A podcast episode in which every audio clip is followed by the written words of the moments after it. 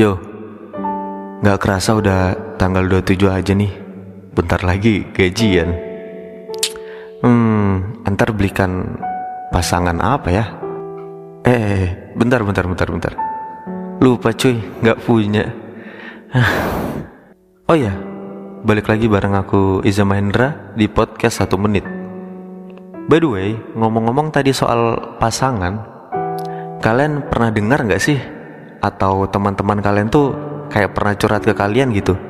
Kalau misalnya dia mutusin atau diputusin pacarnya karena alasan kayak kita udah nggak cocok lagi deh kayaknya.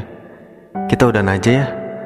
Hmm, kayak semuanya tuh padahal sebenarnya ya nggak ada yang cocok gitu. Gini ya, Lucu banget alasan kayak gitu sebenarnya. Padahal semua pasangan di dunia itu gak ada yang cocok men, gak ada yang cocok sis. Gak ada tuh yang namanya pasangan sempurna. Eh, masa sih bang? Gak mungkin deh. Ada aja tuh yang mikir kayak gitu. Gak percaya? Coba gini deh, analogikan aja. Kalau misalnya kamu nih dapat pasangan yang di mana dia itu sifatnya sama persis kayak kamu, sama percis lah. Kayak cerminan banget gitu. Kamu cuek, dia juga cuek. Kamu posesif, dia juga posesif. Dan ya dan sebagainya lah. Pokoknya ya sama gitu. Eh tapi bentar ya. Posesifnya itu yang normal ya. Ya nggak kayak kayak psikopat gitu anjir. Kayaknya seru deh nanti bahas posesif nih. eh balik balik balik. Oke balik ke topik. Coba deh bayangkan tadi yang ku bilang. Bayangkan gimana jadinya hubungan itu berjalan gitu ya ya nggak akan bisa jalan anjir. Karena masing-masing dari mereka itu nggak ada yang saling lengkapin. Mereka udah lengkap dengan versinya diri mereka masing-masing.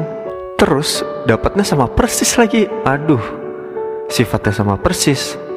Ya mending pacaran sama diri sendiri aja. Self love gitu deh. Tapi kan enggak ya. Even bapak sama mamamu aja sekarang ini sebenarnya nggak cocok dan tidak sempurna tahu. Tapi di situlah seninya, seni dari berhubungan.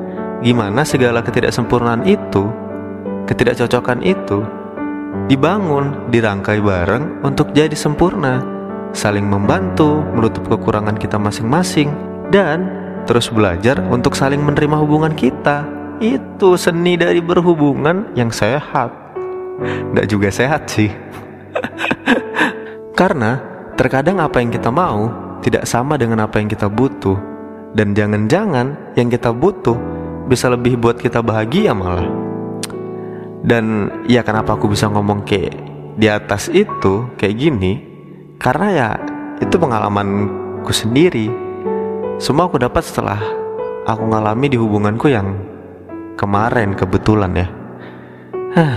Dan juga setelah aku curhat ke temanku, uh, namanya Rani ya ntar kalau ada yang penasaran IG-nya aku taruh di deskripsi deh.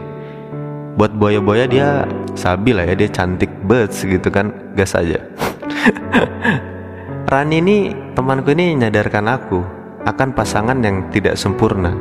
Dia bilang gini nih Ija wes anjay. Ija justru malah yang banyak kesamaan itu belum tentu bisa bareng langgeng. Malah Justru kadang yang banyak perbedaan itu malah yang saling ngangkapin satu sama lain katanya. Wih, terdiamlah saya di situ kaget ya kan. Kayak, hmm betul juga. Terus dia lanjut nih. Karena kita tidak harus mencari pasangan yang sempurna. Yang kita harus lakukan mencintai seseorang dengan segala ketidaksempurnaan itu katanya. Di situ langsung aku kayak, iya ya bener. Mungkin banyak orang yang kayak maksakan dirinya untuk sama sifatnya kayak orang yang dia suka. Itu jatuhnya kayak kamu tuh kayak mencoba untuk menyempurnakan menyempurnakan hubungan itu padahal kamu tuh ngepush dirimu untuk sesuatu yang tidak kamu suka. Dan ternyata ya that's that's wrong gitu kan? Uh, kayaknya udah udah kepanjangan gak sih? Itu aja sih bacaan hari ini. Semoga suka dan Iya jangan lupa di follow lah ya Spotify-nya ini. Oke mungkin itu aja. Terima kasih untuk yang udah dengar. Semoga enjoy selalu sehat selalu untuk kita semua